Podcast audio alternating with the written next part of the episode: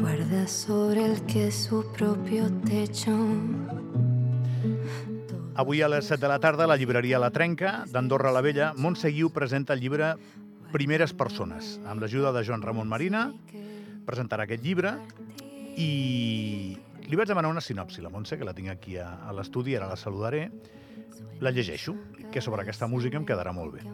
Una persona fenomenal, com totes les persones que se senten estimades, està a punt de perdre's els millors anys de la seva vida i de la vida del seu entorn perquè una malaltia capriciosa ha fet acte de presència. Sense tumults, sense escarafalls ni soroll, la malaltia s'ha presentat per transformar l'entorn i, provocar les, i provocar que les energies positives s'accelerin. Com a resposta a la injustícia, hi haurà qui necessiti experimentar episodis de ràbia, de rauxa i compaginar-los amb la recerca de nous gustos, de vegades sense criteri, amb la voluntat de cremar-ho tot. Parelles rebutjades, nous amants, cossos per descobrir i per amorosir. És la primera part de la sinopsi, que n'hi havia dues, però Primeres persones no és una novel·la més, segons la seva autora. Montse Guiu, bon dia. Bon dia, Gavi. Què és? Bé, Primeres persones és un exercici que jo començo fa, fa set anys, no? més al principi com, com una teràpia. A mi m'agrada molt, molt escriure i escriure és com una vàlvula no? d'escapament per tots aquells que ens agrada. No? Moltes vegades hi ha coses que per por, per compromís o per respecte no acabes compartint no? amb la gent del teu entorn, te les guardes per tu mateixa i les escrius, no? I comença fa set anys, té algunes interrupcions, no? Perquè despullar-se no? davant del paper i el bolígraf a vegades no és fàcil, i més quan, bueno, quan en el meu cas no, eh, tot sorgeix arrel d'una pèrdua, que és la pèrdua de la meva mare, no, que és la protagonista d'aquest llibre, i a partir d'aquí, doncs, el llibre comença, té aturades, es reprèn no? durant la pandèmia, fins que bueno, un dia ens, ens trobem amb el, amb el Joan Ramon Marina, que és, som molt amics des de fa molts anys, i li passo amb cap esperança no, de poder publicar-ho, sinó perquè era una mica els meus pensaments escrits i no sabia jo com, com quadraria no, dintre de la seva editorial o si era un tipus de llibre que a mi li pogués encaixar i bé, la sorpresa va ser que el Joan Ramon bueno, li va entusiasmar, li va agradar molt, i vam començar a treballar amb el projecte de primeres persones. Avui a les 7, a la Trenca, la presentació amb la Montse. Per què m'has demanat aquesta cançó? Puja-la 15 segons i l'escoltem. Y se ha enterado después de mil batallas que la vida per què m'has demanat aquest tema? Primer digue'm quin tema és. Bueno, la, la cançó es diu, es diu Guerrera, és una cançó que identifica molt el llibre, no? I diu que una dona, no?, cada totes les batalles que té a la seva vida no? i les prioritats, quan tens un xoc a la teva vida no? i tens una escala de valors o de prioritats no? i el càncer entra no? com, com un element en la teva quotidianitat, fa que l'escala i les teves prioritats en el teu dia a dia, inclús en els teus sentiments, les teves emocions, doncs es canvi no? totalment. I la cançó és això, no? una dona que, que ha de lluitar mil batalles i que se n'adona no? que, que al final la, la batalla més important és viure i estimar. És una cançó de Valeria Castro. Sí. Escolta'm, eh, les persones podem perdre una persona. A mi se m'ha mort el pare fa tres mesos, eh? Sí, sí, ho sé, ho sé, ja el coneixia. Eh, el que passa és que no sempre surt una novel·la d'això. Surt, surt moltes emocions, surten moltes emocions, cadascú les, les expressa i les transmet com, com sap i com pot i, i com es van queixant a la vida, eh? perquè això és molt difícil de, de preveure o, o, o d'organitzar. Però tu t'ha sortit una novel·la. Bé... És bastant uh... particular, això. Sí, jo sempre dic que, que la sort de la meva vida sempre no, ha sigut tenir els pares que he tingut, no? Com es deia ta mare? La meva mare es deia Immaculada. I la de la novel·la es diu Immaculada no, també? Ah. No, la novel·la es diu Maria. Maria. Maria, no? Eh, Però és ta mare. És la meva mare, sí. Vale, vale. A veure, el llibre és un llibre que relata no, la meva experiència. No hi ha algun recurs literari que no és realment la realitat exacta, no? de, en alguns moments del que va passar, però podem dir que un 80% de la novel·la sí que és la realitat. I bé, jo, com et deia, la sort de la meva vida està, vaig, he tingut uns pares extraordinaris. El meu pare ja, ja el coneixes i saps que per ell ets... Ja ara, ara, ara parlem de qui és el teu Ja ho saps. I la meva mare doncs, va ser una persona que es va dedicar 30 anys a la docència eh, una persona sempre envoltada de gent jove i una persona amb una energia doncs, extraordinària, no? Després de, de que bueno, ella va morir quan jo tenia 27 anys, el primer càncer li van detectar quan jo en tenia 21, o sigui, dels 21 als 27 anys va lluitar de manera intermitent contra el càncer i va ser i és, no? Perquè a mi quan em diuen ai, avui fa anys que s'ha mort la teva mare. I jo dic, però què dieu? Si jo parlo amb ella cada dia, no? O sigui, s'ha mort per vosaltres. Per mi és impossible pensar no, que la meva mare s'ha mort, perquè i és present, inclús jo crec que està aquí asseguda al nostre costat i ens està escoltant, no? No foti, quin susto. I... Sí, tu creus en això? Sí, sí que crec en això, És, perquè... és, però és una creença cristiana, espiritual, no, és? no, no, no, no, cristiana no. Jo crec que és una... No, cre- ha, hi ha la gent cristiana Sí, sí, creu, sí, però eh, no, no també. crec en aquests... No, jo crec en un, en un tema espiritual i d'energia, no? I bé, ella va ser una persona per mi que va marcar molt, molt la meva vida, era una persona molt estimada no? per als seus alumnes i per tot l'entorn educatiu en el que ella es movia, i la seva pèrdua doncs, em va fer donar de moltes coses, no? que potser durant 21 anys, no? que va ser en el moment que li detecten el primer càncer, havia viscut a través d'ella, no? a través d'aquella mare no? tan poderosa i tan estimada, i jo una mica doncs, volia no? ser aquella, aquella admiració no? que jo tenia cap a ella. Però és una novel·la sobre el càncer o és una, una no, novel·la sobre no, no, no, no. Jo vull deixar clar que no és una novel·la sobre el càncer, no és una novel·la trista, al contrari, sinó és com entra aquest element a la vida d'aquesta família, no? I quan entra aquest element, doncs com les persones juguen, conviuen, accepten i conviuen, no? O sigui, viuen i conviuen, no? Perquè, com tots sabeu, aquesta malaltia comporta doncs, uns tractaments i comporta doncs, un canvi de vida no? per qui també la pateix. I la veritat és que no és una novel·la del càncer i no és una novel·la trista, al contrari. Eh? Jo vull que la gent es, que es compri el llibre doncs, entengui que és bueno, com entra un element distorsionant a la vida d'aquesta família i com les persones no, que la integren hi viuen i conviuen i ho accepten, no? Potser per la seva filla, no? per la filla de la, de la Maria, l'Ona, no? que és la, la coprotagonista del llibre, doncs l'acceptació, no? Que, que ets tu? que sóc jo, l'Ona, eh, li costa molt no? acceptar doncs, que aquella vida, no? aquella família idíl·lica que tenia, aquella situació idíl·lica, no? eh, un dia, no? quan ella té 21 anys, doncs es trenca i està perduda, no? I, durant, i la, la pèrdua d'ella mateixa, no? Amb aquesta notícia, doncs fa segurament que ella faci coses que no, que no ha de fer. Últimament li vaig donant voltes amb aquestes coses per motius obvis que, que, que t'acabo de comentar. Uh, ahir vaig veure un vídeo a Twitter, crec que va ser a Twitter, divertidíssim. Sempre he admirat, i no som capaços de ser iguals que, que ells, com els anglosaxons s'organitzen davant de la mort.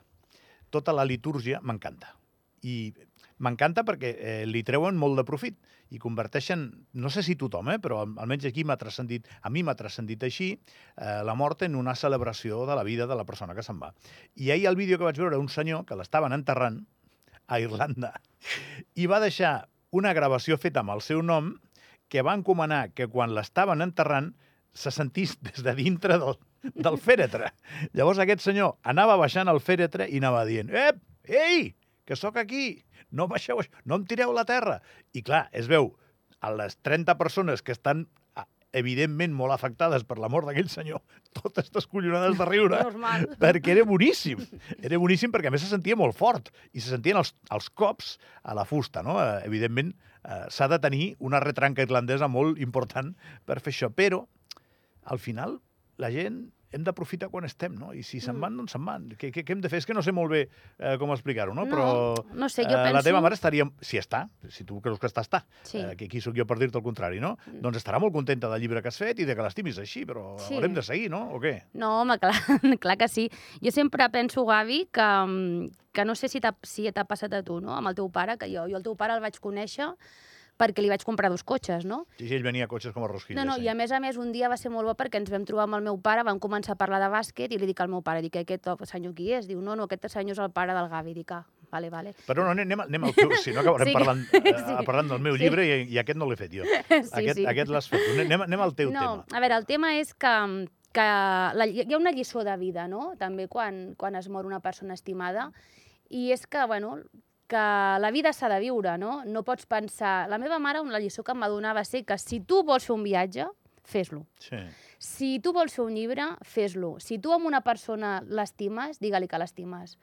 És, fes el que sentis en cada moment i no esperis el demà, perquè el demà pot ser, pot ser que no arribi, no? Tan obvi i tan cert. Sí. I tu no havies escrit mai cap llibre, no? No, la veritat és que a mi m'agrada molt escriure, molt, molt, molt, sempre m'agrada molt escriure. Inclús quan era petita, sempre em comunicava amb notetes, o sigui, quan m'enfadava amb els meus pares, en lloc de dir-ho, els hi posàvem una nota sota el coixí, i llavors quan aixecaven el coixí veia la nota en la que posava m'he enfadat, tata. m'agrada molt escriure sempre. El proto-WhatsApp.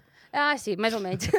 més o menys, més o menys, més o menys. I sí, és el meu primer llibre, no sé si n'hi haurà un segon, però la veritat és que ha sigut una experiència molt bonica. M'ha acompanyat gent fabulosa, que des d'aquí vull donar les gràcies, al Joan Ramon, Marina... A... Bueno, expli- explica'ns què coneixes el Joan Ramon Marina. Ui, el Joan Ramon el conec de fa, de fa molts anys. Tu ja saps que jo sóc mitja andorrana, he fet la meva infància i les meves vacances i molt. Andorra és casa meva.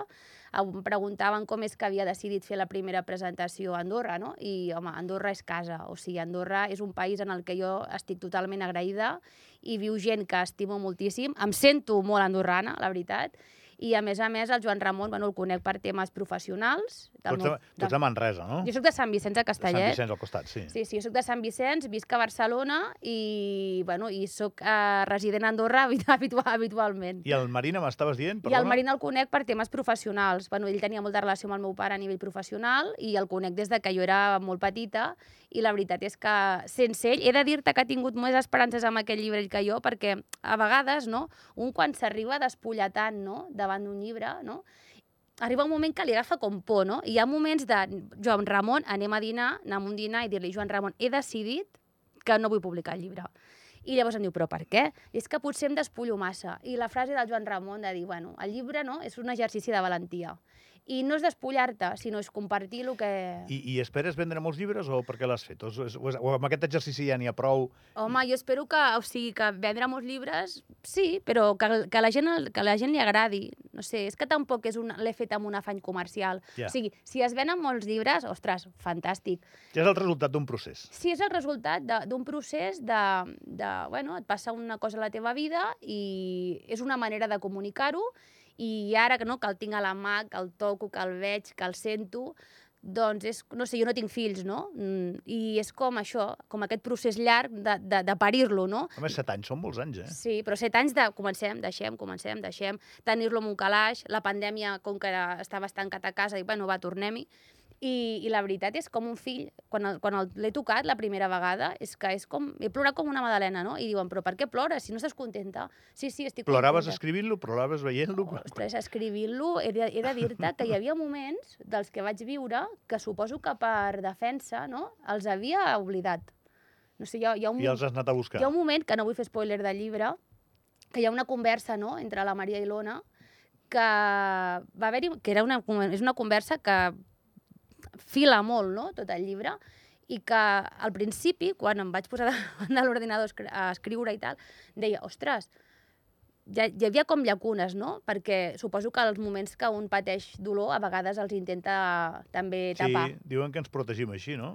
Sí, Que els, els enterrem amb, amb, no sé, amb records nous o, o simplement els deixem de tenir presents. sí, Bueno, jo crec que al final som tot el que ens ha passat, eh? Sí. Eh, lo bo i lo dolent. sí. Escolta'm, eh, Montse, no, no he dit qui és el teu pare. El teu pare va ser... Va, va treballar al govern d'Andorra molts anys, però jo crec que tothom el coneix aquí per la feina reconeguda que va tenir. Va ser entrenador del Bàsquet Club Andorra als anys 80 i és l'entrenador que ens va fer pujar a segona divisió, que era la tercera categoria del bàsquet espanyol a l'època.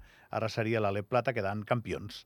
I Pere Guiu és el pare de Montse Guiu, que no sé si t'està escoltant ara mateix. Sí, segur que ens està escoltant. Jo he de dir-te que el meu, cap al meu pare, tu ja saps, o sigui, Gavi Fernández és família, és, vull dir, és, és, és el concepte, i re, i el meu pare, eh, crec que sí que ens està escoltant perquè li he deixat preparat tot perquè ens pogués escoltar, i la veritat és que el meu pare, eh, pel, el bàsquet és la seva vida, ja ho saps, i també des d'aquí vull donar les gràcies a la Junta del Gorka, al Xavi Mujal, que també és una persona molt estimada per mi, a tu, per tot el reconeixement que heu fet i sempre l'estimació i l'admiració que el meu pare ha rebut per part vostra i bueno, us ho vull donar sempre, sempre totalment agraïda Queda dit. respecte a la figura del meu pare. Crec que és el mínim que s'ha de fer amb la gent que ha fet gran el club i en aquest cas també el país, no? Allò va ser una gran alegria per l'esport del país i, i ell estava, era, era l'entrenador. Escolta, que no, que no et molesto més. A les 7 a la, a la trenca, Montseguiu presenta 40 primeres persones. Sí, una coseta. Digue'm. Jo t'he portat un regal, Anda. Eh, que ja sé que no te l'esperes, però a veure si t'agrada. I res, te'l dono... Això què passa? És el programa d'Isabel Gemio o què, o què és això? Ah, i el llibre. Però jo te l'he de comprar, el llibre. Ah, jo te'l regalo. Ostres. Has de llegir la dedicatòria aquí, aquí a micro obert, eh? Gavi, gràcies per tot i per tant. Sempre, Montseguiu, Andorra, 29 de novembre del 2023. Moltes gràcies a tu, Montse. Però jo te'l volia comprar. No. Gràcies per tot, Gavi. Gràcies. I per moltes coses que tu ja saps, que tens un cor que no t'hi cap. Carai, catxis la mar. A les 10 i 23, com haurem de seguir amb això? Gràcies, Montse, que vagi molt bé aquesta tarda. Vinga.